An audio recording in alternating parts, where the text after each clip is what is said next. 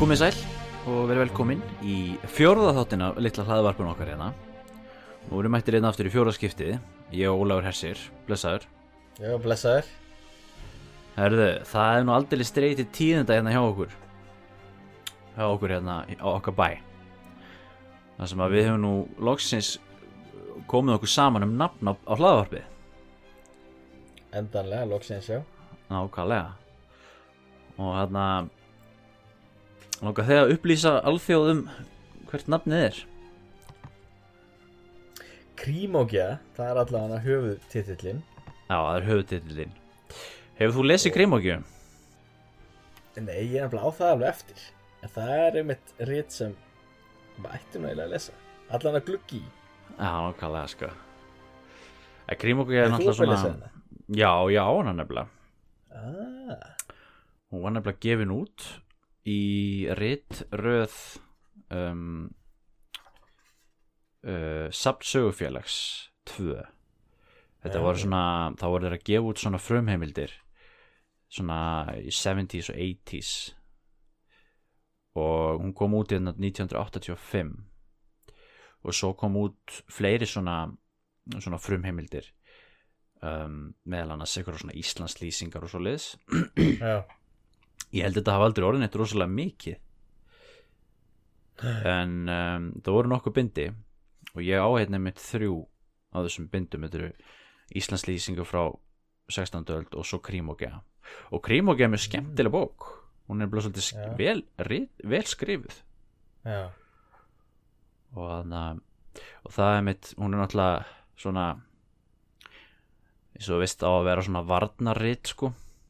Já, nákvæmlega. Já, alveg rétt. svona svar við svona nýð skrifum útlendinga Já, það náttúrulega alltaf verið svo vinsælt að sko taka ykkur svona fjarlægar þjóðir og, og, og drullið þær.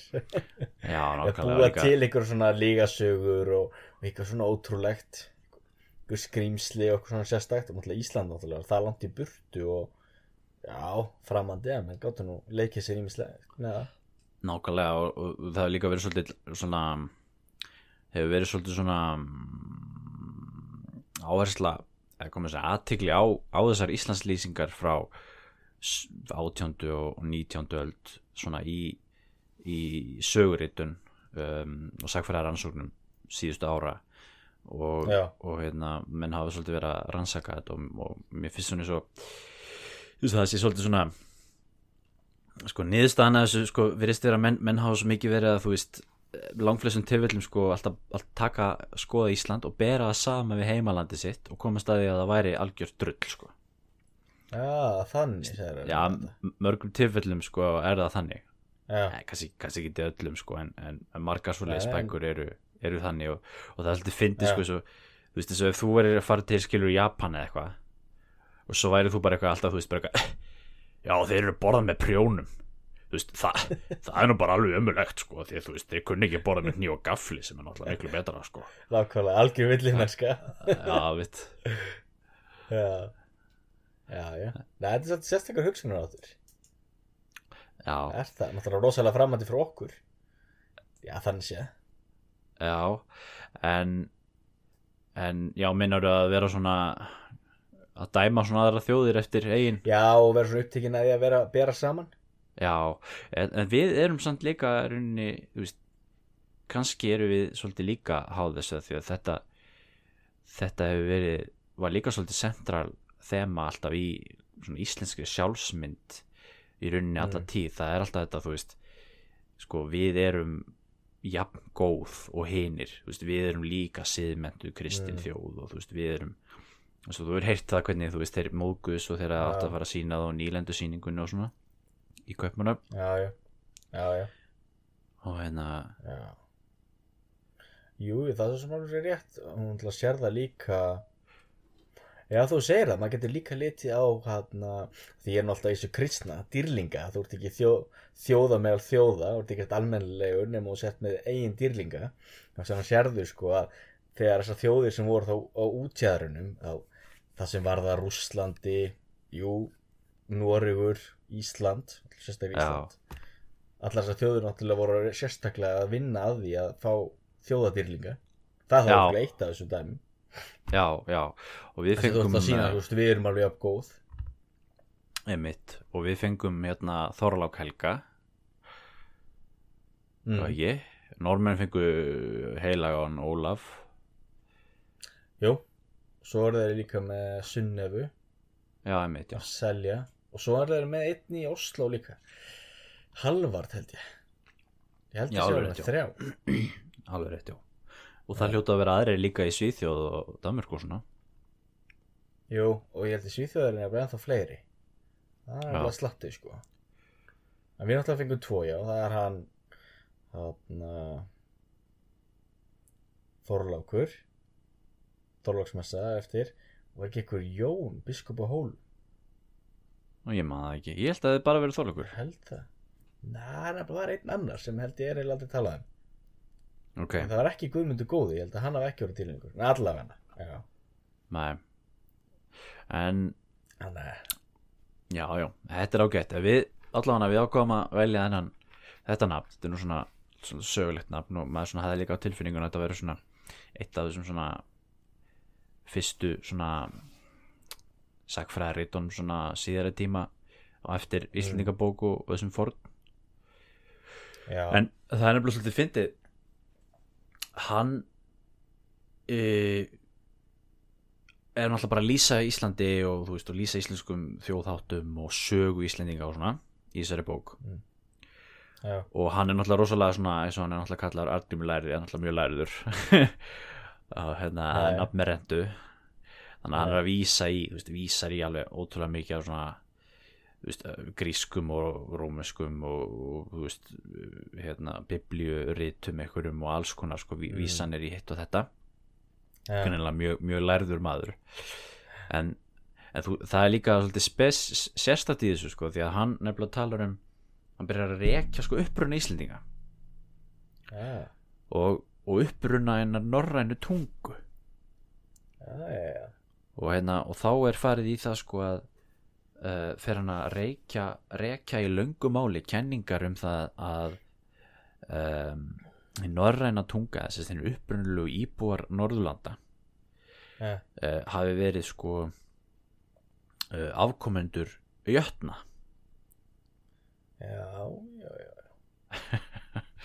og þannig að Það er skemmtileg kenning. Já, mjög skemmtileg gerning sko og það var þetta sko þú hefur rúglega heyrt þessar svona, þetta er svona samsæriskenningalegt svolítið þessar hugmyndir um að þú veist það hefði verið til risar hér áður fyrr skilur við Já, já, og þú veist, og menn hafa verið að vísa ykkur svona bein og, og dót sem menn hafa fundið og svona, hefur ekki, hefur ekki séð þetta? Jú, ég sé það svona, já, Já, og hann er nefnt að vísa svolítið í þetta líka, eitthvað svona fordlefa fundi og þú veist það sem menn hafa fundið eitthvað jaksla og eitthvað svona sem eru að risa stórir og eitthvað. Og síðan alls konar forn sögur og heimildir það sem er talað um sko risa og svoleiðis. Og þá vil hann meina það að þetta hafi verið jötnar sem hafi búið á Norrlöndum sem hafi bara verið risar með risakrafta já, og, og svoleiðis. Og það hefði þá verið sko upprunnulega íbúar Norrlanda og uh, síðan talar hann um það að árið 24 eftir Krist sem er 3000 og eitthvað árum eftir sköpun heimsins að þá kemur uh, þá hefst innflutningur Asíumanna. Uh, ég veit ekki hvort það er átt við sko Asíu það er að segja svo við, sem við myndum kalla Tyrkland og Miðausturlönd. Já, ég, ég gæti trúið að hans ég var að meina það sko því að það vitna í tróju og eitthvað. Já, það myndi ég halda það.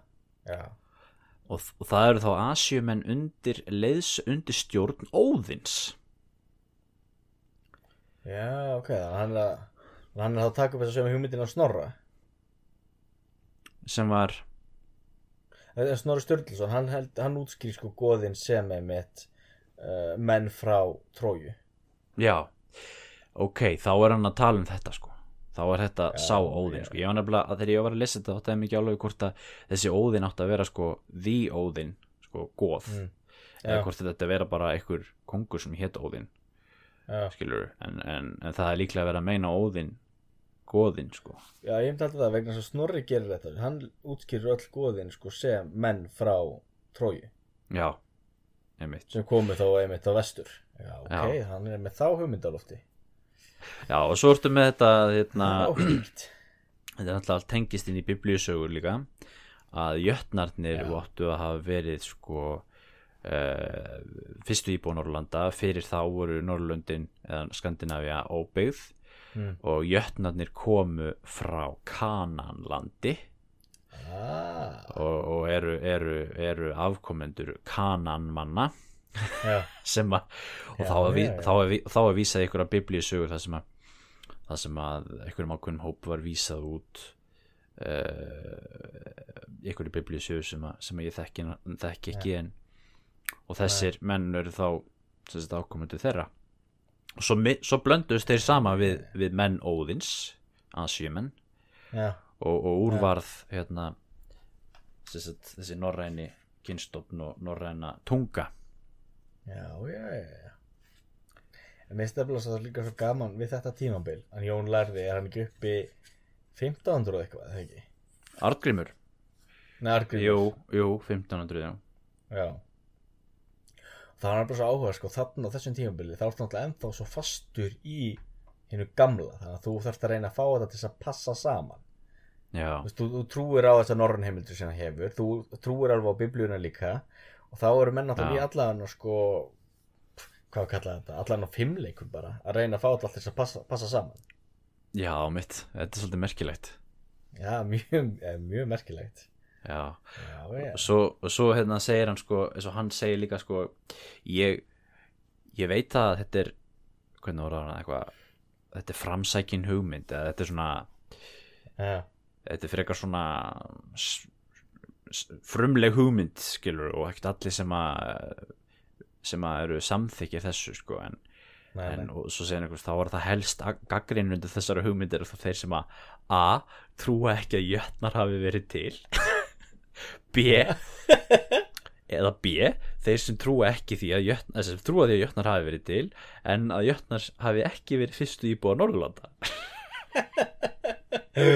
ah, fyndið en svo endar þessi, einmitt þessi kapli á því sko að hann segir hérna ég messa bókinn uppi En, en hvað sem álíktað er þá er örugt að í norrænu eða íslensku eru ennþá varvettar mestarleifar ennar fornu gottnesku tungu eða ef til vill jötnísku. Það er jötnamáls. Já, já, já, já. Að það er aldrei vitan að við sem að tala jötnamál hér. Það er aldrei að vita, já. Þannig að já, nei, mista En þetta er skemmtilegt að þessum gaman með smá- Já, mér finnst líka svo gaman með þetta að það er einmitt sko þegar menn standa fram með fyrir svo það náttúrulega eru þessar sögur um jötna og tröll og þannig. Er náttúrulega spurning sko hvernig ætlar að útskýra þetta? Ekki það að ég sé að fara að halda á lofti þessum hugmyndum. En náttúrulega þá í hans samtíma? Já, Já. Já, já. Er, er ekki líka er ekki líka, þú veist svona trúar mm, sem að trúum, trúarhópum það sem að þú veist, það sem að alls konar verur eru eru útskýrðar uh, eins og draugar og álfar og tröll og svona sem er útskýrt út frá trúarsetningunni sko. Eins og, eins og er ekki talað um að einhver, einhver trúarhópur sem að definerar drauga sem sem er unni það sem við kallum drauga sko að það er þá er unni Mm. svona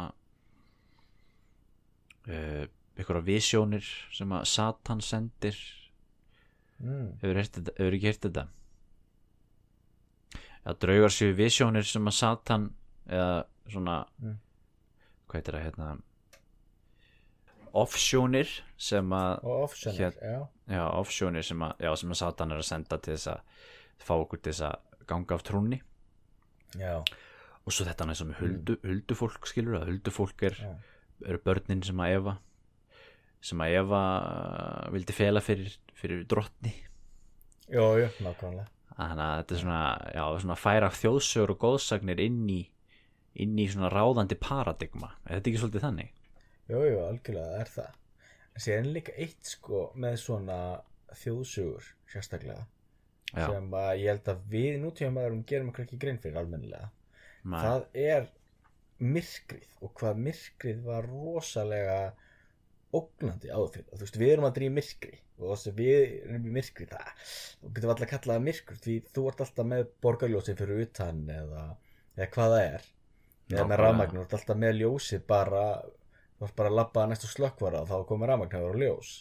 Já, þannig að sko að sitja kannski til þess að norðurkvæli er þar í algjöru myrkri svo dögum skipti eða mánuðum, mánuðum saman. Já, og þú veist, hræðslan við að þurfa að fara út í myrkrið og þú veist, maður upplega ég held að þekki það allir sjálfur þú, maður svona, maður er ekkert vel við myrkrið. Og það er litla sem við erum í þannig að þú ert ímyndaði hvernig það hefur verið á þessum tíma. Nákvæmlega og svo náttúrulega ímyndunafli og þá verður svo létt að allavega já, þetta eitthvað hug, sjá eitthvað eða finnast maður heyri eitthvað eða eitthvað slíkt. Ég held að það sé svona stór hluti af þessu allavega. Já, ég, ég held að það sé alveg rétt sko. Og, þarna, og þannig verða það til allar þessar ofskinjanir mm. Já, og mikið af svona ofskynum náttúrulega líka getur náttúrulega framkallað með sko svona meinlæta lifnaði svelta þig, lemja þig uh, allan að slíkum öfgum sem náttúrulega eins og bara fullt af þessum dýrlingur náttúrulega gerðu þannig séð. Já, já, þú veist, þeir náttúrulega lifðu rosalega hvað var að segja óheilbriður lífverðni náttúrulega. Eins og bara Martin Luth- Luther hann svelti sér næstu sér í hel þeir eftir stopp, stoppan yfirmenn hans, já. Hann, af því hann lifði svo rosalega miklu meinlega lifnaði. Sem er svolítið fyndið að því alla myndir sem við sjáum á hann þá var hann þessi feiti munkur. Já, hann er alveg feitur alltaf. Já, þegar hann var ungur þá lifði hann alveg rosalega svona hörðu lífi. Og hann var þar veikur líka eða heilsunum næstuðin líka. Því hann náttúrulega klættist svo litlu og var í kulda og svo bara hörðu steingólfi og borðið ekkert neða bara smá brauðheldi og drakk vatn Já, já, já, þú meinar það að þú veist þegar menn hafi verið að lifa svona lifnaði þá er ekki skrítið að menn hafi farið að þú veist, bara ímynda sér jafnvel, þú veist að menn hafi ve- verið vitjaðir af Gabriel Erkengli og eitthvað svona. Já, já, það er náttúrulega það upplifir allavega svona offsjóni náttúrulega út af framkallað Já. þannig. Já, já, En síðan náttúrulega getur maður líka vel Jú, en síðan náttúrulega getur maður velt fyrir sig hvað þetta fyrirbyrði er því þú hefur þetta náttúrulega um allan heim að fólk sé að lifa allan svona eða færi svona trans. Já. Já, í svona trúalegu Já, ég trú alveg, þú veist, þú hefur þetta líka í búddism allir dæmis. Þar eru þetta til dæmis með að sé ritual þar sem að þeir breyta sér í múmíu með því að svelta sig á ákveðin hátt og á síðustu stígum þá hætta þær að drekka vatn.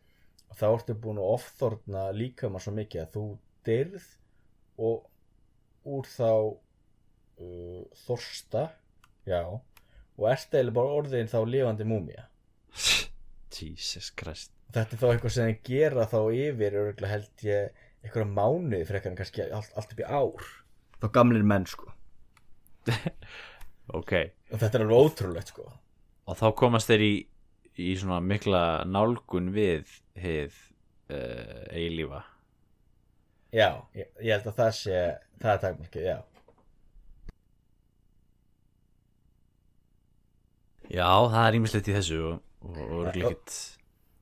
Og síðan held ég að sumir eru síðan gerðir að styttum. Ég hef séð það líka, svona röggamyndir þess að þeir eru að hann settir inn í eitthvað svona styttu eða slíkt. Já, já, já. Þetta er allir gangur á þessu, já. Og þetta eru austræn trúabröð já, þetta er búddismin Ok, já, Já. Það, er, það er líka, það sé líka til ímislegt í hinduismánu líka sem er mjög sérstakt sko. Sem er að borða líkamsleifar og saur og slíkt í trúalum tilgangi. Já.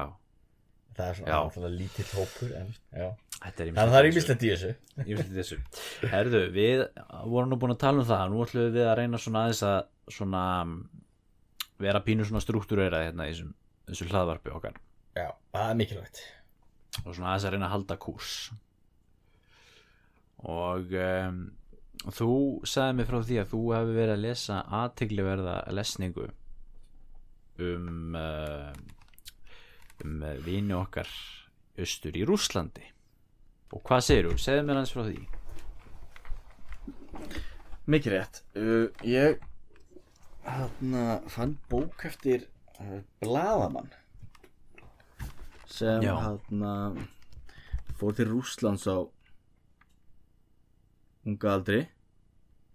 Já, og lærði rúsnesku og hefur verið að flakka mjög mikið um Rúsland hefur að fara til hín og þess að jafnvel smábæi. Og hann sérst skrifar þessa- og náttúrulega búin að skrifa fréttir um Rúsland lengi. Og hann sérst skrifar þessa bók sem fjallar fyrst og fremst um svona Rúsland í dag og kannski svona skugga Sovjetiríkjana ok. Þar sem hann reyna að útskýra svolítið sko hugsunarhátt rússa í dag og þá náttúrulega þar alveg líka Putin já, og hún heitir sko The, the Long Hangover. Putin's já. New Russia and, and the Ghosts of the Past. Og það er svolítið áhverð því ég held að við kannski hvað á að segja, kannski vanmetum svolítið eða kannski maður gerir sér ekki almennilega grein fyrir því hvað það var sko mikið sjokk fyrir rússa að Sovjetiríkina hefði fallið. Já, já, og þessi, alveg blaðmaður er bara svo mikið þessi, blaðmaður er þess mikið að tala um sko, það er svo skrítið að þegar hann er að fla, flakka um og tala við bara svona venjulega rússa hér og þar. Staðar einhvern smábæjum langt inn í Sýberíu eða, eða hvar það er að þá er oft sko að þeir eru með svona, svona nostalgía eftir já, en þá er það sem já, svo ég segi svo, svo strax eða hvað bóki hver svona nýðustega bókarinn er jú, þetta fólk vill ekki Sovjetríkin sjálf sem svo heldur er meira sko þetta að vera heimsveldi og virðingi sem fylgdi ekki því. Já, og þetta er kannski eitthvað sem við svona, svona smáþjóðunar ekki þekkjum að það skipt svona miklu máli að maður geti hugsað sér sko, jú, þjó- þjóðin mín við erum rosa mikilvæg og stór og já, heimsveldi. Já en það svo finnir líka hvernig þú veist, maður skilur að þetta sé uh, að þetta getur verið atrið fyrir sko eina pólitísku elit í Rúslandi já, uh, þú veist, stjórnmálamenn leiðtoga og jafnvel þú veist, jafnvel uh, sko, lærð, lærða menn og svona. Já, en að sko að þetta nái allavega niður á alþýðu level er svolítið aðtekluvert það er mjög sérstaklega það er mjög áhugavert. Já, og einstiðið hann talaði við einn mann tölvert sem var sko sámáður var fættur í Úkrænu já, og hvort hann var nú af, af rúsnesku bergi brotin hann var nú svona, svona úkrænsk rúsneskur í raun. Og hann var einmitt að berjast fyrir Rússland og Krímska. Og Já. sá maður var einmitt að tala um þetta sko, þetta með stórveldistíðina og, og niðurlæðinga tímabilið og allt þetta. Já, þá var sá maður fyrst og fremst bara já, eftir þessu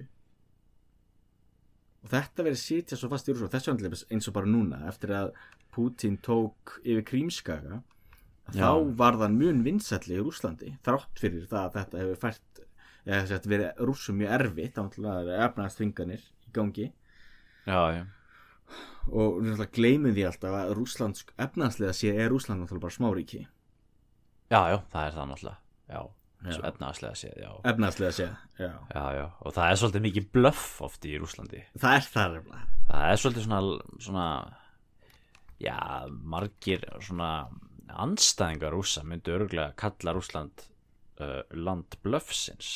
Já, en, þarna, en það er líka einmitt fólk kannski á Vesturlöndum og, og þú sérur líka þessar svo, svo heilu kynsluðunar sem eru aldar upp sko bak við sinnkotn endan á múrnum já, og hérna og, allir þessir áratugir af aðskilnaði og, og mótsögnum og þú veist bara reynd og beint tatri á Mm.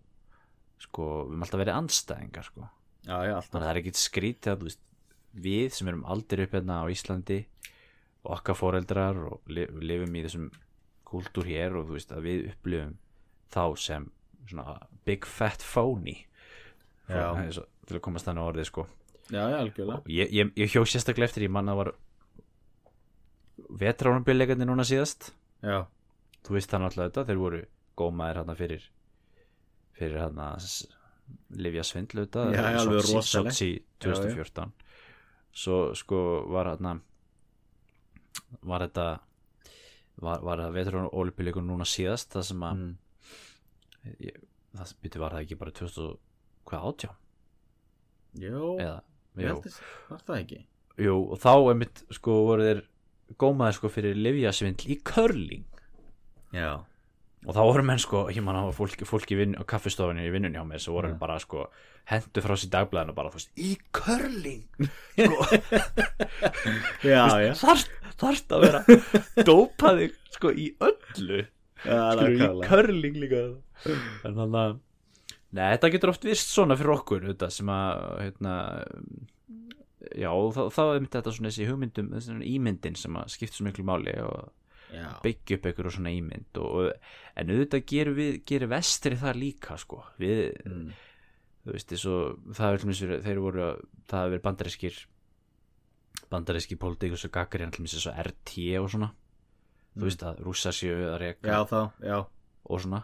En ég meina auðvitað, auðvitað eru vestræni fjölmiðlar sko líka á kafi í austri Rúslandi sko. Já, já. Og, ja, og meiri segja sko það sem að eins og, eins og Radio Free Europe skilur sem er náttúrulega bara svona Já, sem að ekki, mætti ætla að væri svona svipað eitthvað svona svipuðu sögðahúsi svo RT mætti Já. maður ætla allavega hann í gamla daga. Já, og hérna allavega með þeim tilgangi auðvitað bara að, að breið út út uh, áraður þannig að já, já. Þetta, er, þetta er aðteglivert að, að þetta skuli ná svona einmitt inn í inn í hérna og mér, mér, er minnist að líka að maður hefur séð svona uh, skoðanagananir í Rússlandi svona hvaða hvaða leiðtóa eru menn ánæðisti með svona sögulegan leiðtóa sko. Þá er alltaf Stal, Stalin að skora svo hátt sko. Já, já. Og svo kemur þetta alltaf í fréttum hérna sko bara og allir, engin skilur neitt í neinu sko. Nei.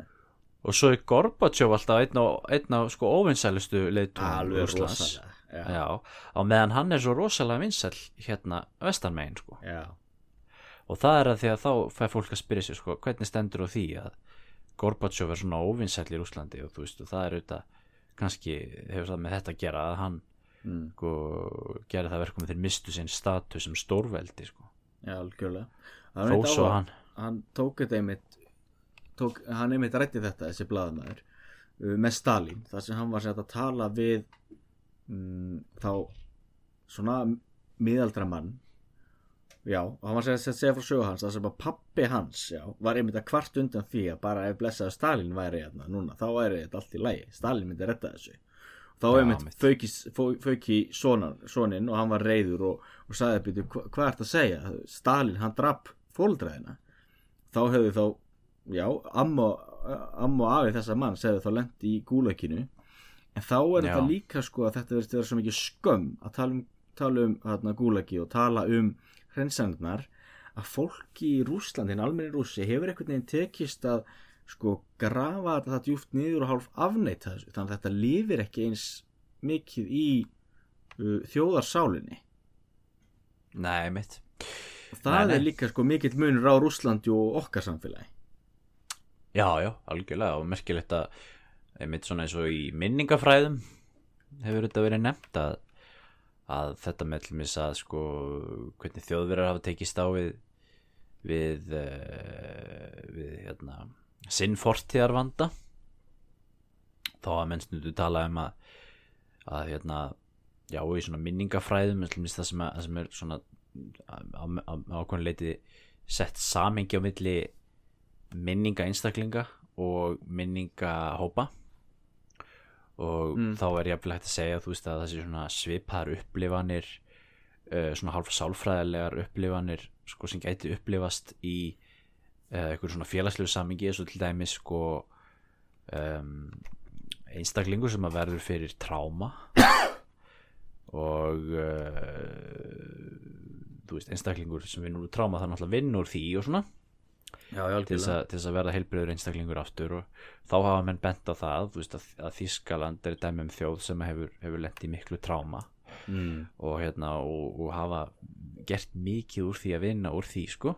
Já, og hérna og síðan eru þá rúss, rúss, rúss, rússar og þá þeir sem hópur eða þjóð skilur að það er þjóð sem að lendi alveg, svakalum hremmingum ekki bara Stalin heldur þú líka náttúrulega setni heimstyrjöldin skilur algjörlega. Og borgarastyrjöldin og byltingin og allar þessar og fyrir heimstyrjöldin bara þessar 20 ára hana einhver, eh, eða hvað maður að segja 30 ár, kannski 40 ára tímabil sem var bara mjög erfitt Já. fyrir þennan hóp uh, sem menn hafa ekki dönnið úr sko. Nei, nákvæmlega.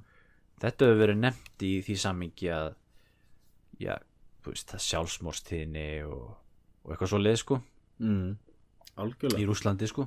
Já og alkohólismin og Það er bara líka glemsótt sko að Rúsland stendur fram með fyrir alveg brjálaðslífum samfélagsvandavólu til, til dæmis sem þú segir, sjálfsmorð, alkoholismi eðinni til dæmis svo rosalega mikið vandamál á Rúslandi já, fíknefna nótkunn líka. Uh, alveg flæðir í hérna heroin frá Afganistan og því svæði. Og ég held að Já. það sé líka hluti af því af hverju fólk þarf að búa sér til einhverja glansmynd og tilbyði eitthvað einræðsæra já, að því sko, ég leit líka líka oft á það sko að svona einræðsæra gæti verið merki um ákveðin styrk í samfélagi. Já, það er gjörsalega kólránt því sko einræðisæran einmitt sýnir hversu veikt samfélagið sé.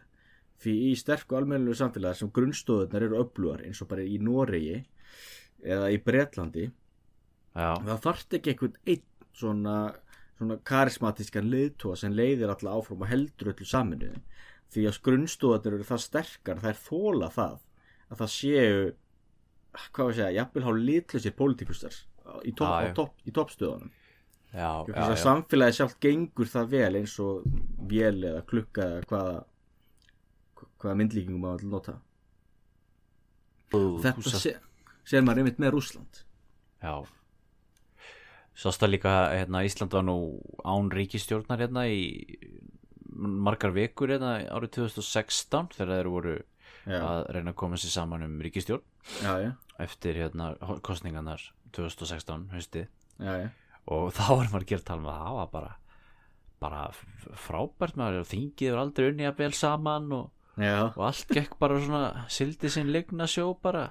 Já, já, nákvæmlega að það er enginn í brunni sko. Já, það er nefnilega málið. Vegna þess að þú ert með svona já, bara ve vel smurðar stofnanir sem, þú veist já, já, já, getur unnið þetta ágætlega.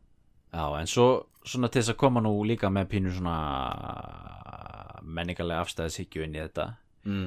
að þá auðvitað má náttúrulega ekki gleyma því sko að uh, rússar hafa náttúrulega annan pólitíska kúltúr heldur en við. Já, já, og þú veist og það má auðvitað segja það um, um þú veist allar líka þessar aust um, um þjóður í Asi og svona skilur þar er já. og líka annar pólitísku kúltúr og mér finnst þetta svolítið aðdegluvert að eins og til mis stjórnmála þróun í þessum heimslutum að að þú veist að þessir í þessir heimsluti, þú getur kallað hann annan heiminn, mm. hann hefur stundu verið kallað það. Já, e, sem sagt þessu fyrsti heimurinn annar heimurinn og þriði heimurinn og þá var það svona hugtök sem verið til á tímum hérna Sovjetríkjan á kommunismas mm. og hérna og mér finnst það svolítið merkilegt að að sko uh, Marx, til dæmis Karl Marx sem að Já. kemur sínar kenningar og er náttúrulega þetta bara einn ein helsti hugsuður bara einn fremsti hugsuður bara Evrópu fyrir og síðar sko jú, jú, Og- það og áhrif já og ekkert bara fyrir austan, þetta líka fyrir vestan. Já, já, og það varðu þetta til mjög snemma uh, aðgreining sko á í, í, í herbúðum hérna alþjóðlegu sósíalista hreyfingu sko þú veist þessi líðræðislega ángi mm og svo þessi byltingasinnaði ángi já, og líðræðislegur líðræðislegi sósíalistar höfðu þetta alltaf miklu meiri stöðning í vestrinu vestur-Európu byltingasinnaðir kommunistar auðvitað líka en miklu minni en svo var því öfugt farið fyrir austan mm. skilur, og það er auðvitað út af það er náttúrulega ákveðin pólitísku kultúr skilur sem að Mm. sem að hérna og maður getur veist við skoðum þessa sögu þessa sögu Sovjetríkin og Rússlands að, að þú veist hvernig, hvernig þeir taka á taka upp þessa ótrúlega ótrúlega merkilegu svona e, svona hugmyndafræðilegu svona eh, tilraun Mm. sem að var sem að eins og með að stopna kommunistaríki já, já, að þú veist það má eins og við höfum örgulega oft rætt sko sjá alls konar sko hérna hlið, sko hliðstæður í rúsneskum pólitískum kultúr fyrr og síðar sem að ef að hefði átt sér stað í Evrópu það hefði þetta ekkit, ekkit endilega orðið eins, ef fyrir ekki í vestur-Evrópu mm. ekkit endilega orðið sko hérna einhverju tærant og, og eitthvað svoleiðis, ekkit endilega sko. Mm. af því að þú veist, liðræðslega pólitískar stofnarnir voru náttúrulega til staðar miklu öflur heldur en fyrir austan. Já. og mér finnst þetta líka aðteglivert að sjá eins og til mis þú veist, eins og, í Norður Kóru sko, þú veist, hvernig stjórnkerfi þar hefur, hvað mynd það hefur tekið á sig. Um, er það ekki svolítið sko, svolítið svo taka bara svona æfa fornan um, austurlenskan despotisma Mm. með þú veist þessum svona guðlega keisara sko Já. og færa það í, í mynd sko marxisma er það ekki svolítið til í þessu er þetta ekki svolítið svona blöndun að kultúr sko Ég held að þetta sé mjög góða pælingar ert með þarna því að eins, eins og bara lítur á þú berð saman bara Stalin og Nikolás annan þú berð þá saman þá náttúrulega sérðu að hjá báðum er náttúrulega verið að dýrka já fyrst keisaran og svo Stalin það er náttúrulega verið að dýrka þá ákveðin átt og þú ert með þessa leiðtóðadýrkun og eins Já. séðan fer lengra austur og fer til Kóru það er alveg rétt hjá þér. Þú sér þetta svona, svona Asíu despotisma þetta svona mandate of heaven eins og náttúrulega Kína hefur alltaf verið svo litað af. Já, og auðvitað náttúrulega verða þessar auðvitað er þetta alltaf þú náttúrulega getur aldrei ekki einu sinni byltingu sko kastað öllum hugmyndum bara á gljá og byrjað alveg frá, frá scratch þú getur ekki byrjað alveg á nýjum grunni. Nei, nei. Þannig að ég held að segja einmitt mikið til í þessu. Það er það náttúrulega svo menning sem er þetta fyrir og menn náttúrulega nota hluta af því sem virkar eða hefur virkað fyrir þá og fólk er vant. Já, og já, það náttúrulega var kannski ekkert það stærsti munur fyrir bláfátæka ólæsa bændur í Rúslandi að kasta myndin á Nikolási öðrum á haugana og setja upp mynd á Stalin nákvæmlega. Og fyrir þá sem að voru að vinna í gúlæginu að, að hérna fá uh, bara halda fram að taka við pólitískum föngum. Já, já, nákvæmlega það líka. Já. ég, svo er einmitt líka annað í þessu sem er sem tengist svolítið þessu sem við varum að nefna áðan hérna með með uh, anstæðunar skilur og, og veist samskiptaleysið og mótsagnirnar á milli þessari tvekja búða já, uh, austurs, austur-Európu og vestur-Európu og ég held að þetta sko það er það, he, það er alda gamall svona klopningur mm, á milli austurs og vesturs Európu sem ég held að ég vil meina mig er ekki allavega aftur til klopningsins mikla og, og, og, og klopningskirkjunar og, og í austur og vestur Rómaskaríkið og veist, þen, þetta sko þessa aðtekli verið dýnamík sem að menn svona sjá sem svona telja oft svona arfleið sína í koma að segja, í stjórnar stjórnkúltúr, pólitískum kúltúrríkja eins og rússar sem líti á sig sem, að, sem er erfingja um, austur Rómverja. Mm, og þú veist, og þú ert þá líka með sko, svo, þú veist, búlgarir skilur þeir eru tsar konungur sem að er lítur á sig sem sko ákomenda hérna þú veist, Beisans keisara líka og hérna og svo ertu þá aftur á móti með í, í pólitíska kultúr vestursins þá var alltaf þú veist, það ertu með, þú veist, það eru er að reykja sig reykja sig samhliða páanum og svo reykja vald sitt aftur til hérna Karla Magnúsar og þetta sko. Já, já, algjörlega. Og hérna og svo náttúrulega kirkjan þetta mjög mikilvægt bara upp á menningu þú veist hvernig menning byrtist og, og, og þú veist. Já, og kirkjunar, auðvitað bæði austurkirkjan og vesturkirkjan náttúrulega er hérna, mjög tengdar inn í stjórnkerfin bæði í vestur-Európu og austur-Európu sko fram að upplýsingu og, og, end, og hérna og innvæðingu ekki jú, jú, algjörlega og þetta er einhvern góða punktur hjá þér vegna þess að það er nefnilega svolítið áhugavert að þú berð saman sko þá vestur og austur kirkjuna Já. að eftir að hana, náttúrulega vesturrónarskaríki fellur og austurrónarskaríki veikist mjög svona hægt og rólega breytist í það sem við kallum bísansríki já, er að Pávin í Róm þá náttúrulega verður sjálfstæður þannig að hann getur farið í allan að valdabröld á meðan patriarkin í Konstantinópel er alltaf undir keisarina og ég held að það Já. sé líka stór hluti af því að sko, þú sérð þá mismandi pólitík að sem að keisarin er höfuð kirkjunar í austri og Já, meðan að í vestri þá ert alltaf með svona öflugum páfa líka þannig að þú ert alltaf með tvær valdastofnanir sem vinna alltaf mjög mikið saman en eru líka stundum að deila. Já, og það sér til dæmis í Rúslandi að keisararnir þar, þeir líta á sig sem artaka austurlumarska ríkisins líta á Moskvu sem þriðji Róm og keisarinn er alltaf höfuð rétturuna kirkjunar í Rúslandi og ég man ekki var það ekki hann hvort það var Ívan Grimm eða hvort það var Pétur Mikli sem til dæmis völdu ekki nýjan patriarka í, í Róm, nei í, í Moskvu. Heldur höfðu sko bara einhver svona kirkjuráð lengi vel sko til þess að undirstrykka eigið valdi við kirkjunni. Já, ok. Þannig að þú ert miklu meira með svona despotisma þú ert miklu meira svona, svona guðlegt einræði í austri. Og það náttúrulega held ég að lita líka svo mikið síðan kommunismann algjörlega bara. En var það ekki mitt þannig líka að, að, að, þess að uh, ke keisarinn í Bísanska ríkinu var náttúrulega höfuð kirkjunar eða ekki jú, jú, eins og bara þarna það er, er fyndi, svolítið fyndi að hugsa til þessu menn er kannski ekki eitthvað alltaf glæðir að viðkynna það en ástæðan fyrir því til þess að við höfum þessa, svona, þessar hana, trúar játningarnar þrjár, sérstaklega uh, þær voru náttúrulega ritaðar fyrst og fremst fyrir tilstilli keisar það var keisarinn sem kallaði vegna þess að keisarinn þurfti að þurfti að þurfti svona þetta, saminningu kirkjunar, þannig að þar sér það algjörlega sko hvað keisara veldi skipti miklu máli fyrir fyrir kirkjun og þróun kirkjunar já, einmitt. Já, já, ég held að þetta eigi sér allt djúpar rætur. Það er alls alveg ljóst. Einsliðan sem við tökum Kína sem dæmi og það er að horfa á til dæmis núna dýrkun á honum, þetta er ekki Jinping? Eða, eða Mao undan honum auðvitað er það náttúrulega mjög svipað keisaranum áður fyrr að ýmsu leiti já, en þeir eru að keira svolítið í gang svolítið svona nýja persónudýrkun á honum hérna, er. Jinping Nákvæmlega, það er náttúrulega svolítið sérst, það er náttúrulega, mér finnst mér svo merkilt og skrítið að sjá í dag, sko. En þarna sérðu líka hvað er, hvað við kannski ofmetum eigið líðræði.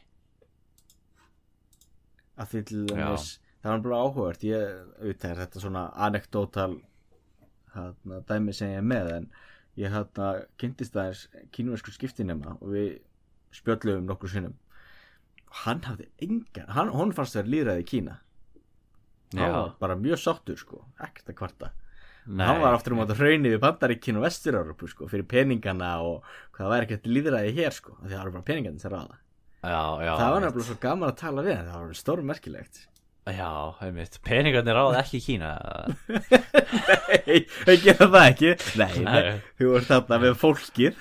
Já, já, já, já já, þetta er hérna eh, Já, þetta er mismyndi upplifanir og, og hérna, alltaf gaman að hitta fólk sko, sem hefur sem að, hefur upplifað alist upp í öðrum menningar heimskilur og Já. hefur aðra sína hlutin heldur um að sjálfur og þú veist, vildi þessi bara hérna, ótrúlega aðteglvert en svo náttúrulega getur maður spurt sig auðvitað hvað eru menn að segja, þú veist, hvað mm. Veist, á, ég, ég, ég, ég ætla ekki að fara því fram að þessi einstaklingu sé- hafi verið undir ykkur pressu sko hann náttúrulega kemur frá auðvitað lauruglu ríki sko. Já, já. Ég, það er samt, held, ég held að nú samt ekki bannað í, í Kína endilega að tala í ykkur prívat samtölum sko illum um ríkistöðuna sko. Það er Nei, það nei, ekki. nákvæmlega, það er það ekki. Og það er náttúrulega fyrst aðeins sem að þurfa að passa sig þeirra á netinu, einmitt eins og þú segir sko, þá getur þú náttúrulega skilið eftir einhverja slóð. Já en, en, það í, en ég hef nefnilega að segja þetta aldrei að það var að tala um að kínverðinir eru að vinna að allan og svona uh, eftirlitskerfum, eru að setja mikið myndavelar og svona greiningaforrit forrit þá sko sem skanna andlitíðar og getur fylgjast með fólki. Og síðan þeir Já. að ranka fólk sko. Hversu hlýðhóllir ertu, ertu ríkistjórninni og það Já, er já. rosaleg stjórn sem fælst í því. Já, En síðan held ég líka sko, það er líka sem við áttum ekki, okkur ekki alveg á í Kína er einmitt svo sko mörg þúsund ára gamall kultúr fyrir svona undirgefn og hliðni já, eins og þú veist hvað var einhvern sem heyrði það jú, ef, ef, ef keisarinn spyrði hvort þetta hoppa og spyrði, spyrði veist, hversu hátt eða hversu lengi áttu í loftinu eða eitthvað slíkt kjæfta þú veist, það er bara þú Já, það er. Já, það er kínvesku málsáttur, já Já, er það ekki? Já, einmitt, já, hann spyr, sko, þá serðu hversu hátt, já einmitt. Já Og sko það held ég er eitthvað sem við svo sem kannski áttum ekki að gera ráð því ekki að okkur er svo að því að það er bara fyrir mér svo merkjöld nefnilega að bera saman Austur-Asju og Vestur-Európu því í Vestur-Európu eftir að Rómaveldi fellur er alltaf þessi draumur um að samina Európu en það Já. tekst aldrei. Vorum nálægt í, Karl V var nálægt í Napoleon var nálægt í Adolf. Hitler var nálægt í en það er einhver sem tekst það. Angela Austur-Asju Angela Merkel, já. Ekki. Jú, Já. algjörlega. Það er Já, sem tekst það En í Nei. Kína þá ertu með saminað ríki eiginlega alltaf. Það náttúrulega eru Já, borgarstyrildinu milli En það, það er alltaf sama, saminað á ný. Já, mitt. Já, og pældi þessu, þessum, hérna þeir sem datt í huga að leggja af keisaran í Kína þarna í upphafi 19. aldar hann hefur nú örgulega þurft að hugsa sér vel um. Já, að afleggja þá ævafornu stofnun.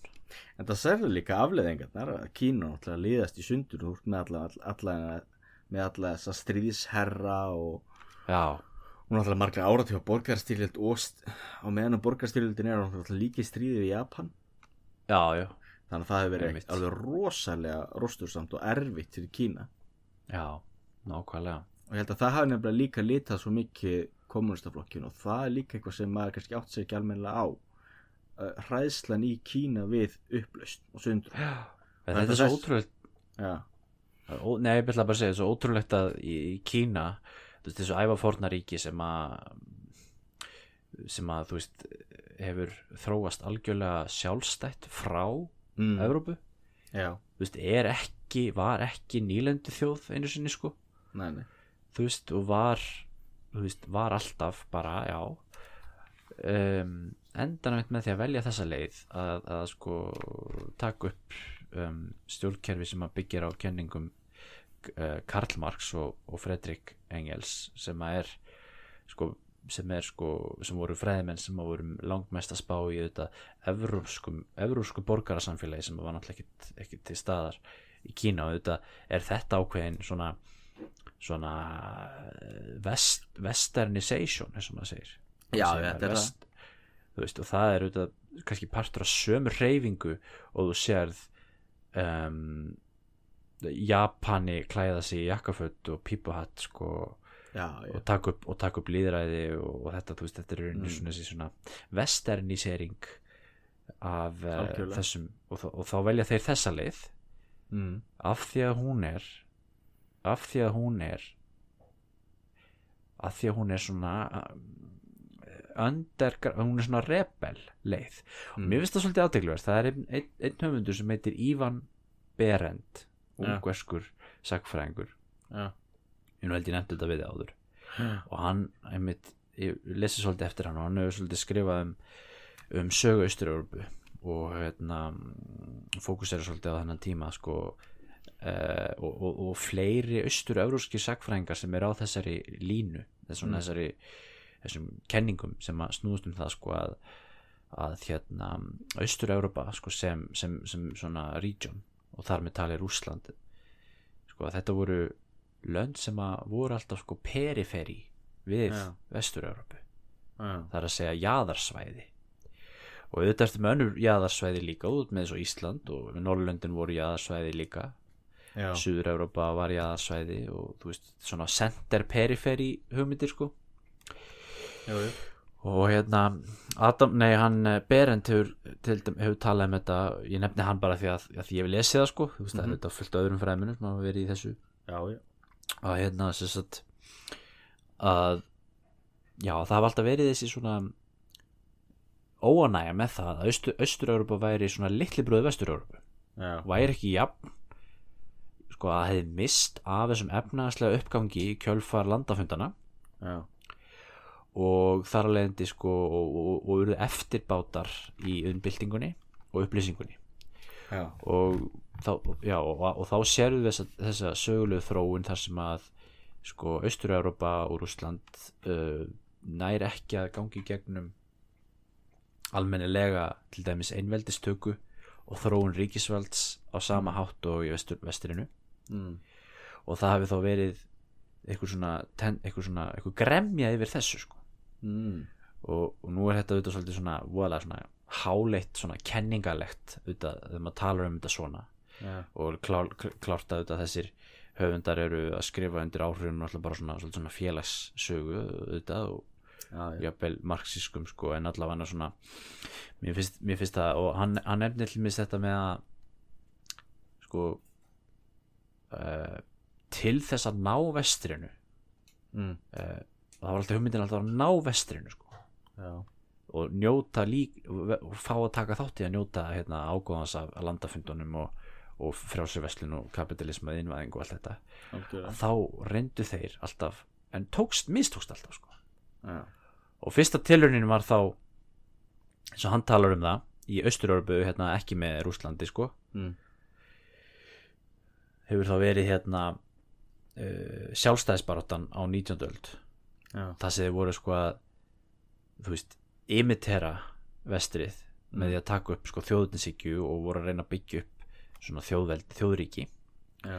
og hérna og, og, og reyndu að þú veist já bara þú veist kópera það sem var verið að gerast í Vestur-Európu og þetta þeim tókst ekki að ná að vera sender við heldur áfram að vera, vera periferi sko, heldur áfram að Já. vera þú veist hráöfna útflytjendur og svo framvegis Mm. og svo kom fyrir heimstyrjöldin og svo kemur annað sögulegt tímabil og millistýrsárun þar sem að þessar þjóðir sko reyndu hérna öfgahægri já, fasisma Mm. uh, þú veist, og reyndu hérna þú veist, öfgaþjóðurnishyggju og einangrunarhyggju Já. og, og tóku þátt í þú veist, þíska hérna, þísku, hvað maður að segja byltingun í urðu, hluti af hérna gross uh, gross uh, hvað heitir það hérna efnaðssvæði rús, hérna, þjóðverja Algjörlega. grossrám virtsjaft eða eitthvað Jú, hvað er það? Jú. Já og hérna og tóku þátt í, í, í sko, þeirra svona new order sko en auðvitað geta menn tala um sko hvort þeir hafi veist, að hversu leiti voru austuröröpu þjóðunar að stjórna sér sjálfar þegar kemur á þessu en, en þú veist en þetta er Ég, svona ég held að, hvað það var þar, að þú verður að hafa einhverja blöndu af mm, strömm í samfélaginu og svona stó, stórmönnum. já, ég held að sé ekki hvort. Þú veist, til dæmis Alexander Mikli fættur á Íslandi, pff, hann, við myndum ekki þekkja hann sem Alexander Mikla. Eða Já. ef hann hefði fættur nokkrum kynsluðum setna eða fyrir, þú veist, hann gætt gert það sem hann gerði vegna þess að hann var réttum maður réttum tíma. já, já, en, en ég er að, að reyndar að meina sko að hversu leiti gátu þessar austurörbu þjóðir sko stjórna því hvort þær væru í grossrám virtsjaft eða ekki sko Já, þú meina þannig? já, já, og þá er það þetta sama spurningi með eftir stríð Já. þegar að þessar þjóðir sko tók upp, upp uh, Marx-Leninismærunni sem Já, og, og, og ríkisó, ríkisósialisma að soviskri fyrirmynd. Já, uh, austur-európskan gaddavírskommunisma eins og hann hefur kallaður. Veist, þá, þá tegund af stjórnkerfi skilur sem er algjör svona rebel en er samt afleiðing í rauninni sko vestur-európsks hugsunarháttar og er, og er afleiðing sko borgaravæðingar og innvæðingar í vestur-európu sko. Já, og þá er, veist, þá er það svolítið sem ég var að koma hérna að með Kína sko, að það sé sko við getum ekki sko við þurfum að beita einhverjum ekstrím ráðum til þess að ná þeim. Já, og, og þá er farið í þetta sko. Já, og hérna og, og, og það er þá á þá líka við um eins og, Rússland sko sem að, mm, sem að þú veist er, var þá alltaf í andstöðu við vestrið sko. Já, og náttúrulega sem hérna sko Sovjetríkjum var náttúrulega bara svona erki andstæða sko já, já, algjörlega. En eins og þú veist að tala um þetta, er alltaf ná vesturinn, eins og bara með Khrushchev. Mér finnst hann er nú bara einhver besta dæmið þetta. Öskrandi og berjandi í borð og á fullu og allt þetta. Ná vesturinn, ná vesturinn og, og síðan rústa vesturinn. já já Og er þetta ekki svolítið líka svona, svona, svona minnumáttakend? Jú.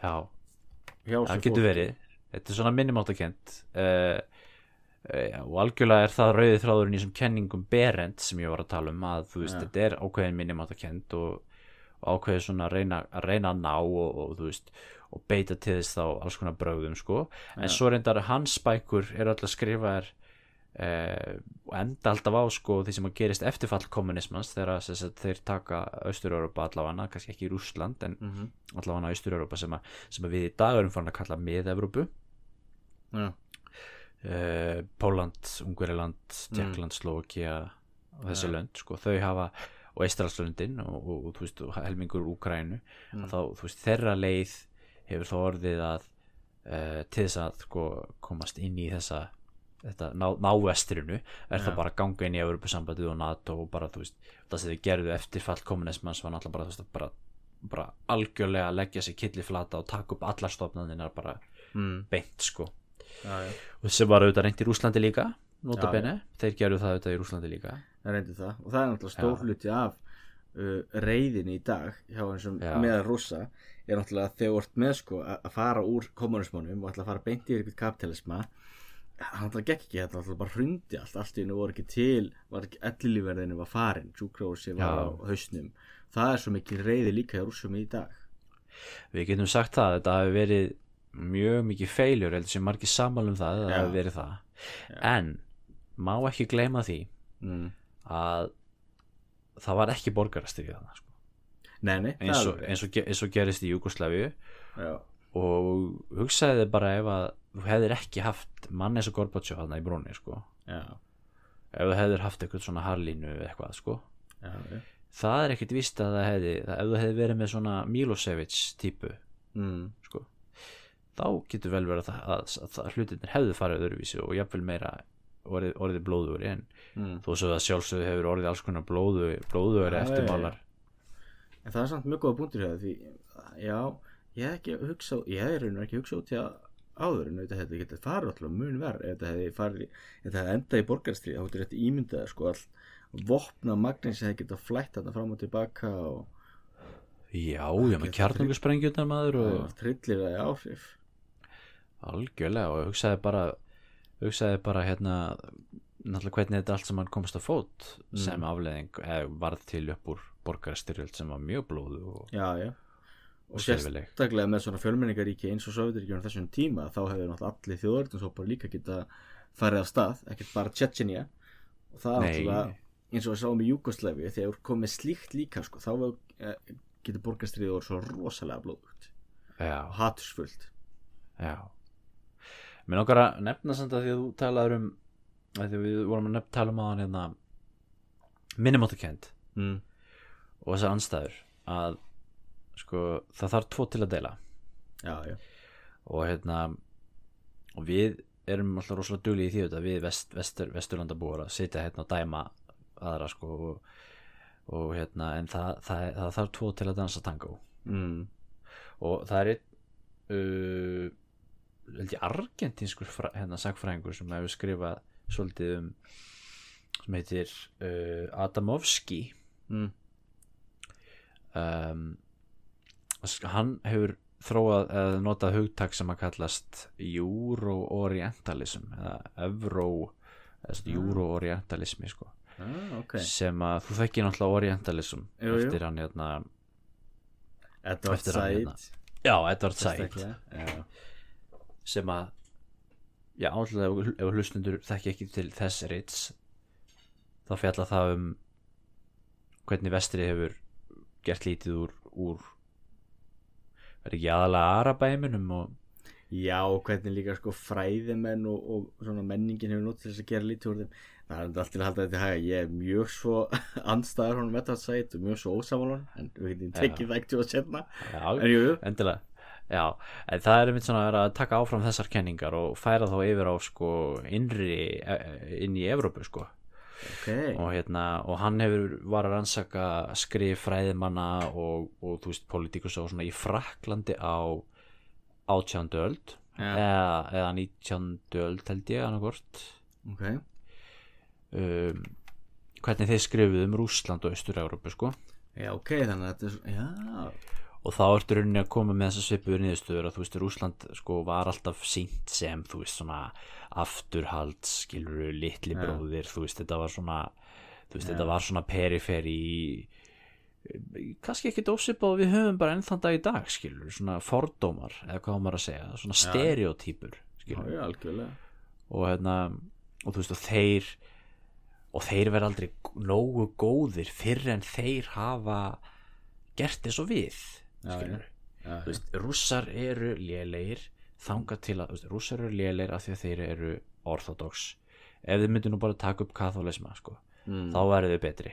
Mm. og þú veist, og rússar eru og rússar eru lélegir af því að þeir eru kommunistar Mm. ef þú myndir nú bara láta þessum kommunisma og taka upp hérna, kapitalisma eða kapitalist kerfi eins og við þá er allt miklu betra.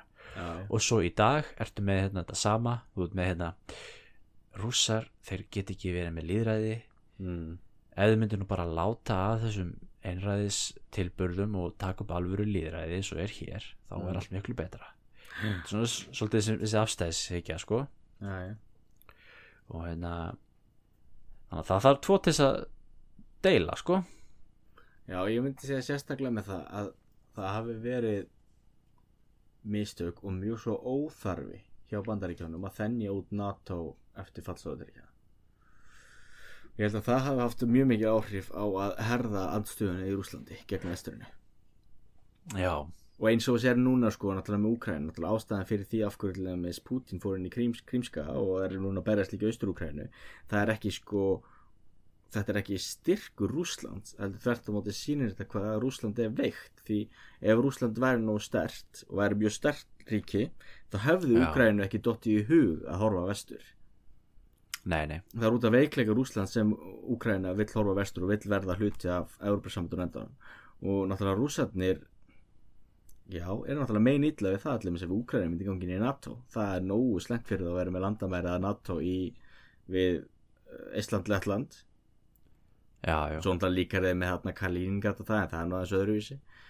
Þannig að sko, það er alveg rétt og náttúrulega bandar ekki sérstaklega náttúrulega gengur djöl hart fram eins og þegar í Júgoslavi stríðinu ekki ætla að fara að verja Serbana en ætla þess að þegar að Bill Clinton ringdi í Boris Jeltsin og, og saði við hann bara já við erum að fara að sprengja í Serbíu ég ætla bara að láta þið vita. Og Jeltsin náttúrulega öskrar og brjálaðar en þeir geta ekkert gert. Og þetta er þú Serbía Nei. þeirra þú veist eldgamla svona smáríki sem þeir hafa alltaf varið og passað upp á litli bróð þeirra. Og þeir bara horfa upp og þeir bandar ekki að sprengja við tætlir já, Við þetta siti svo rosalega í rússum í dag sko og ég held Já, svona að Evrópmenn hugsa ekki nógu mikið um þetta. Eða þú veist, við erum svo lituð af okkar sín bara. Nákvæmlega sko, við erum alltaf sjáum bara eitthvað friðagesla og Já, ég, já, ég maður eftir þeirra, maður eftir hérna í 2000 og, hvernig var það? Fjögur, svona fjögur, fimm eitthvað þegar hérna þegar bandarækjumenn ætlaði að setja þetta, her, þetta eldflögavarnakerfi í Ungverjaland og, og þar já, þá voru, voru rússar alveg brjálæðir sko. Og ég man eftir því að þá var maður að fylgjast með fréttum og, og þá var maður að hugsa bara svona hvað voðal eru þeir eitthvað? Hérna, skilja þeir ekki og þú veist þetta er bara, þetta er bara hérna, við erum bara að hugsa um okkar varnir og já, já, þú veist, skilja þeir það ekki. Og þá náttúrulega að hugsa þeir náttúrulega sko, alltaf er vanir að hugsa um bandaríkin sem sko óvin. Og þá var Rúr Putin alltaf á þessum tíma og hefur náttúrulega verið að gera það setna, líka setna tala um þetta, þú veist, valdajafvægi sko. Já, já Náttúrulega, hann, hann var svona sérstaklega kannski svona snemma í sínu fórsetati þegar hann var hérna áður en að þessar andstæður jukust svona mikið sem við gert síðara ár sko. Eins og þarna fyrirluta 21. aldar. Mhm, þá einmitt var hann alltaf með þetta hérna, þú veist, það voru alveg bandaríkjumenn og rússar vinir sko já, en það var samt alltaf þetta sko hérna valdajafvægi sko valdajafvægi passa það sko. Algjörlega. Og hérna má ekki passa rúss bandaríkjum með mikið stekk og mikið og, og svona þá, Já, já, þá, þá kemur já, líka með mann sem auðvitað kemur úr þessu þessu sovjetkerfi auðvitað er rosalega mótaður auðvitað örgulega þessum hugmyndum öllum. Já, já, auðvitað er það náttúrulega Og það er líka sko að því sénirlega áhverðan þegar Putin byrjar sko, þá er hann meira að segja að viðra hugmyndir um að Rússland muni á endanum geti gengið inn í Európa-sambandi eða eitthvað slíkt, meira að segja NATO veist, það er náttúrulega Já, svona já. mjög svo mikil bjartsinn náttúrulega á þeim tíma en, en þó, minnst að segja mikið sko að slíkar hugmyndir hafa verið viðraðar. En síðan náttúrulega held ég líka það held ég að skipti líka miklu máli. Í bandaríkjörum held ég að séti líka svo rosalega fast í sko gömlu elitunni þar sem var að berja skegg Sovjetríkjónum ólst upp við hræðsluna við Sovjetríkin þessi gömlu kallar er ekkert allt í unni að fara að skipta um skoðun og bara já, rússarnir býstna fyrir núna ræðum við. Nei, nei, nei, nei, þetta séu þetta líka í, á lokal leveli hérna bara og heima á Íslandi sko Já, í sagnar, sagnarutunum um, um sögu kommunismans til dæmis á Íslandi sko Já. og hérna og vinstri vinstri aflana og ég held að við munum sjá örgulega mjög mjög breytta söguskoðun á Mm. sögu Sovjetríkjana Ja. og sögu kommunismans í Európu og, og bæði Östur-Európu og Östur-Európu ég held að við munum sjá Þú veist, þetta er bara svo rosalega nálægt okkur í tíma en þá við erum já, já, við áttum ekki ekkert á því að að, þú veist, hugsaðir þér ég myndi skrifa bók núna um þetta sko, um, um Mm. hérna Sovjeturíkin eða eitthvað, bók sem kemur út hérna árið 2019 sko mm. Svo, svo séru kannski aðra bók sem er skrifið kannski um hérna frönsku byltinguna eða eitthvað sem er skrifið Mm. veist, með jafn stutt tímabili frá því að hlutinni atbyrðunir áttu sér stað.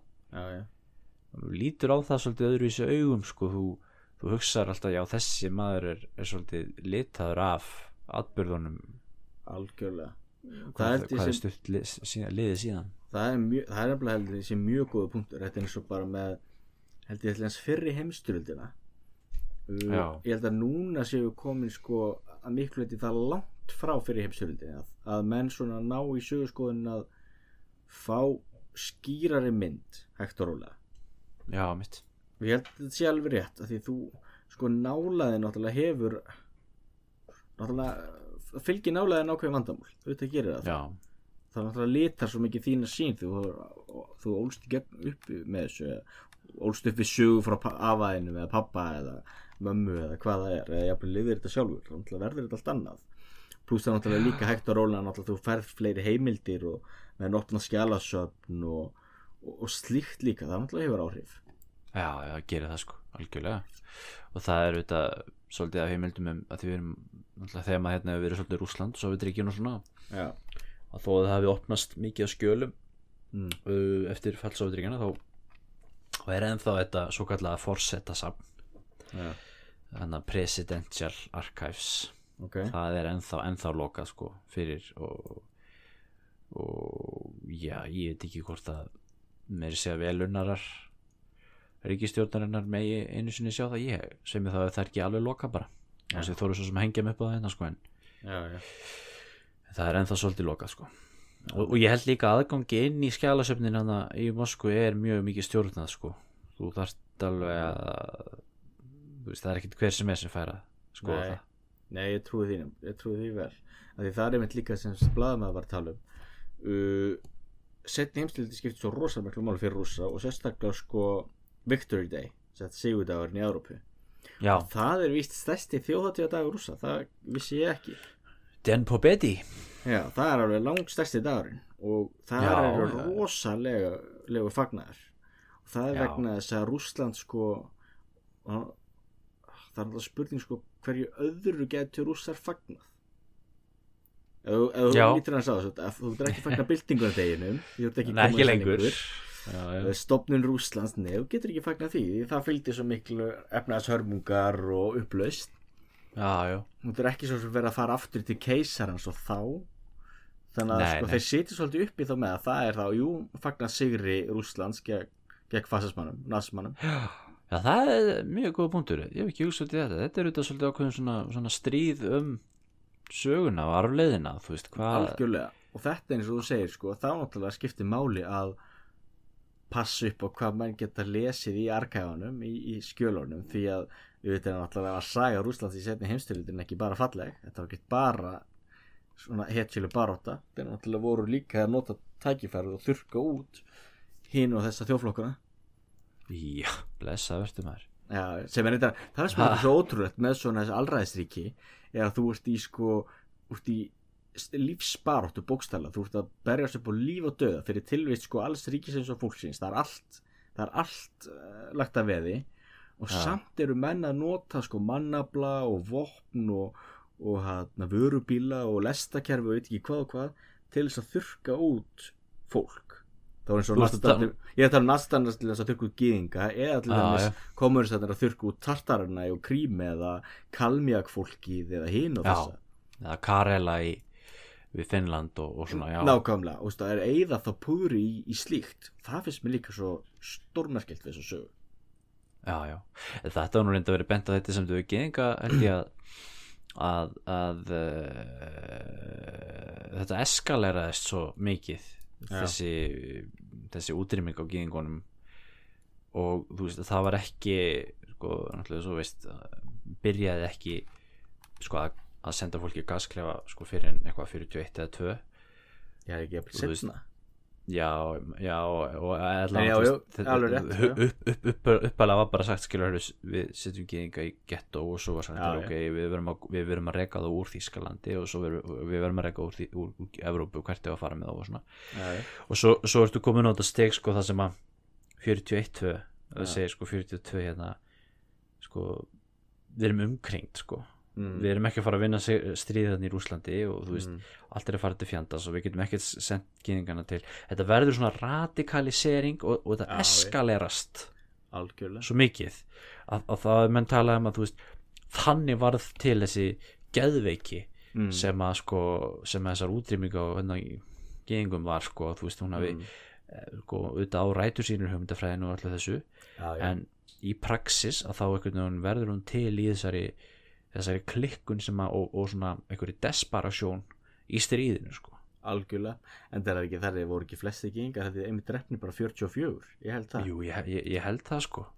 Og og ég held að það Mm. sé einmitt rétt sko þetta. Það verður bara líka svolítið að taka með að, að þú náttúrulega byrjar smátt og það gerist hægt og rólu og verður verra og verra. Og það held ég ekki að þetta er líka svolítið útskýrt sko hryllingin í Sovjetiríkjálum með Gulagi og hreinsæðin og Stalin er að. Stalin náttúrulega kemur upp úr sko borgarastriðin í Rúslandi sem var algjör hryllingur. Til að fyrst fyrir Já. heimsöldin svo heldur það bara áfram í borgarastriðinu og þá náttúrulega slíki tíma náttúrulega lita svo fólk. Já, þannig að þá náttúrulega verður sko léttara að halda áfram einhverju hryllingi. Eftir að þú ert búin að brjóta niður hvort sem er eða alla stopnarnir sem gerist náttúrulega í borgarastriði nákvæmlega. Eins og við sjáum bara í mörgum Afrikuríkjum í dag líka.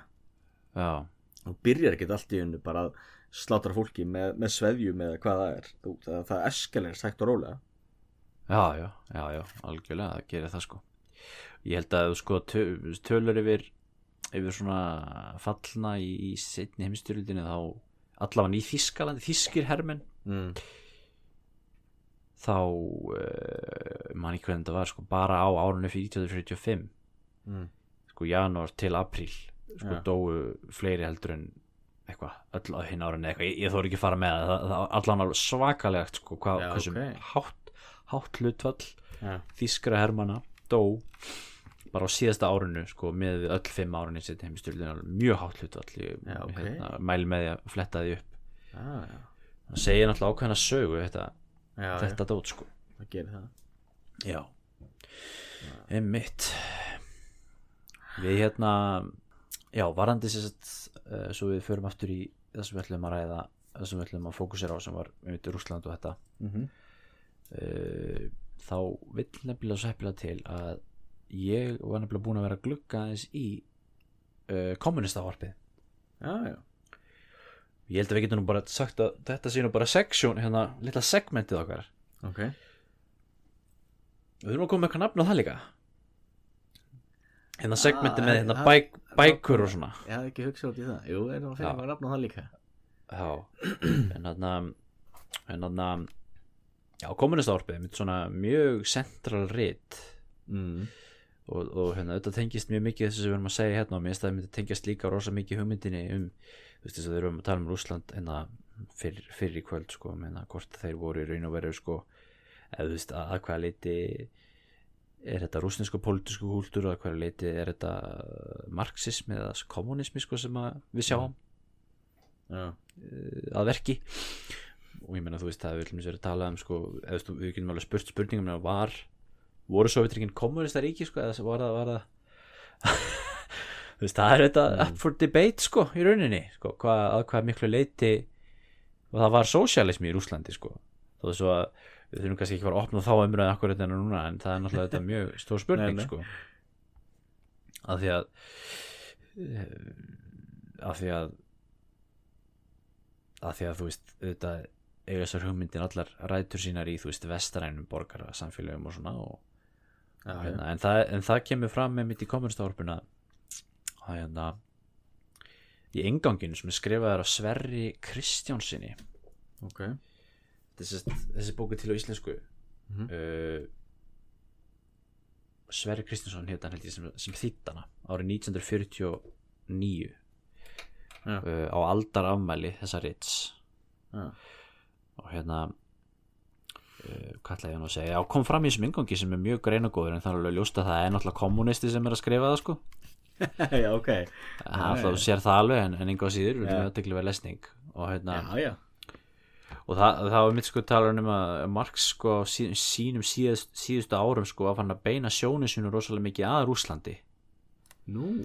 Já vegna þess að sko hann ætlaði sér að hann sá fyrir sér að sko það veri er borgaraleg bylting í Þískalandi 1848 ok, sem að svo rektist af þessu leiti já, uh, og þá kemur við með þetta svo hefur náttúrulega alltaf verið nefnt hérna þú veist sósíalisk Mhm. bylting átti, átti ekki að eiga, sér stað í landbúnaðsamfélagi þetta sem allir Mhm. hafa nefnt á sko, sem hérna stóri fyllin í herbygginu þegar það kemur á já en þarna en þá kemur við fram að sko sko Marx talaði um það sko hérna, svona, hver markmið kommunista hreyfingarinnar væri þarna árið 1848 í Þískalandi og hún væri í rauninni svo að koma á borgarlegri byltingu í Þískalandi já, skilur, af því að bara þannig geti sósíalisk bylting átt sér stað sko. Já, og svo gerist það að þetta, þetta reynist rétt að það varð borgarleg bylting í Þískalandi mhm. Og hérna en náttúrulega ekki sósíalisk bylting eins og hann sá fyrir sér. Nei, nei. Og þá einmitt sko var hann farin að svona í auknum mæli að líta svolítið Rúsl, til Rússland sko því að, að því að sko þar voru einmitt svona þessi byltingasinu kommunista svolítið að svona kveða, kveða sig svona já, hvað hátt í þeim. Já, og hérna og, þar, og hann til mér sátt að hafa lært og að byrja að læra rúsnesku sko, í elli sinni sko, til þess að, lesa rúsnesk, rúsnesk skrif sko, til þess að geta Já, lært meira um þetta samfélag og svona, því hann sá svolítið fyrir sér ákveðna framtíð þarna. Ég veit þó ekki þetta, ég hef nú ekki, ekki heyrt um þetta áður, getur vel verið að þetta sé einhver einhver hálfsannleikur sem að sverrir mm. e, kemur með en, en hérna, ég ætla að það getur líka vel verið að það sé mikið til í þess að því að en, en, en, Marx var alltaf á því að byltingin í Rússlandi myndi ef hún myndi vera sko, kommunista bylting í Rússlandi þá er það sko helsta helsta svona gagnsemina því væri Mhm. sko til þess að hrinda af stað byltingu í Þískalandi og Mhm. Frakland og Englandi skilur og það var í rauninni sín Lenins líka framan að sko já, að, að þú veist Lenin er rauninni þegar hann er búinn að stofna sitt byltingaríki þá er hann og, og það er utaríkistefna Sovjetaríkina í rauninni fram á fjóra áratögin sem er þetta þú veist að exportera byltinguna. Mm. og ég held að Lenin hafi verið, verið, verið svo nálægt Marx að þessu leiti til að hann leiti alltaf á veist, landi sem hann var búinn að stofna sem ekkert sem eitthvað alvöru byltingaríki heldur var þetta bara svona, bara svona placeholder já, fyrir alvöru byltinguna sem átti eiga sér stæði í hérna, Þískalandi sko.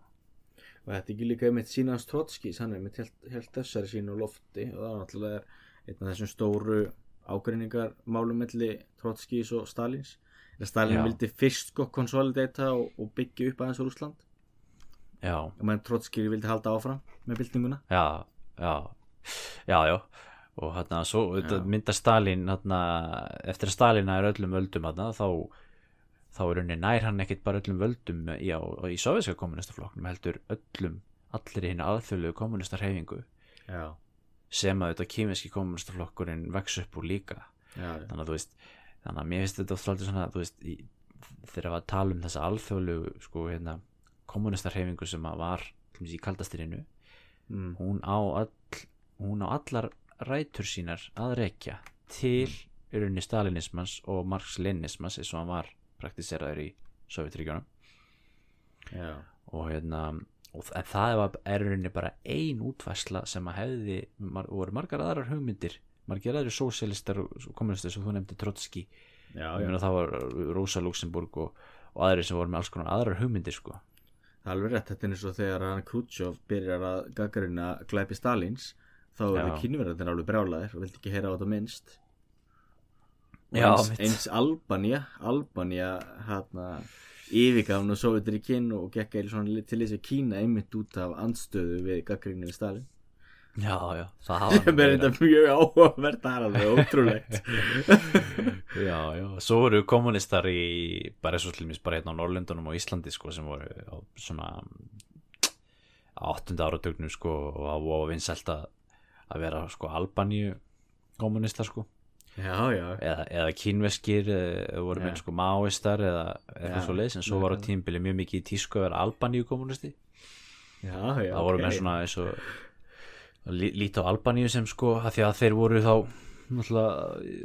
mörgu anstöðu sína við Sovjetríkin sko, því menn voru náttúrulega 68 kynslu en var náttúrulega mótið Sovjetríkunum já Þannig Já, hérna, já, Albaníu komast já Já, það var til. Já, hefur þú, þú hefur þú lesið kommunistavarpi?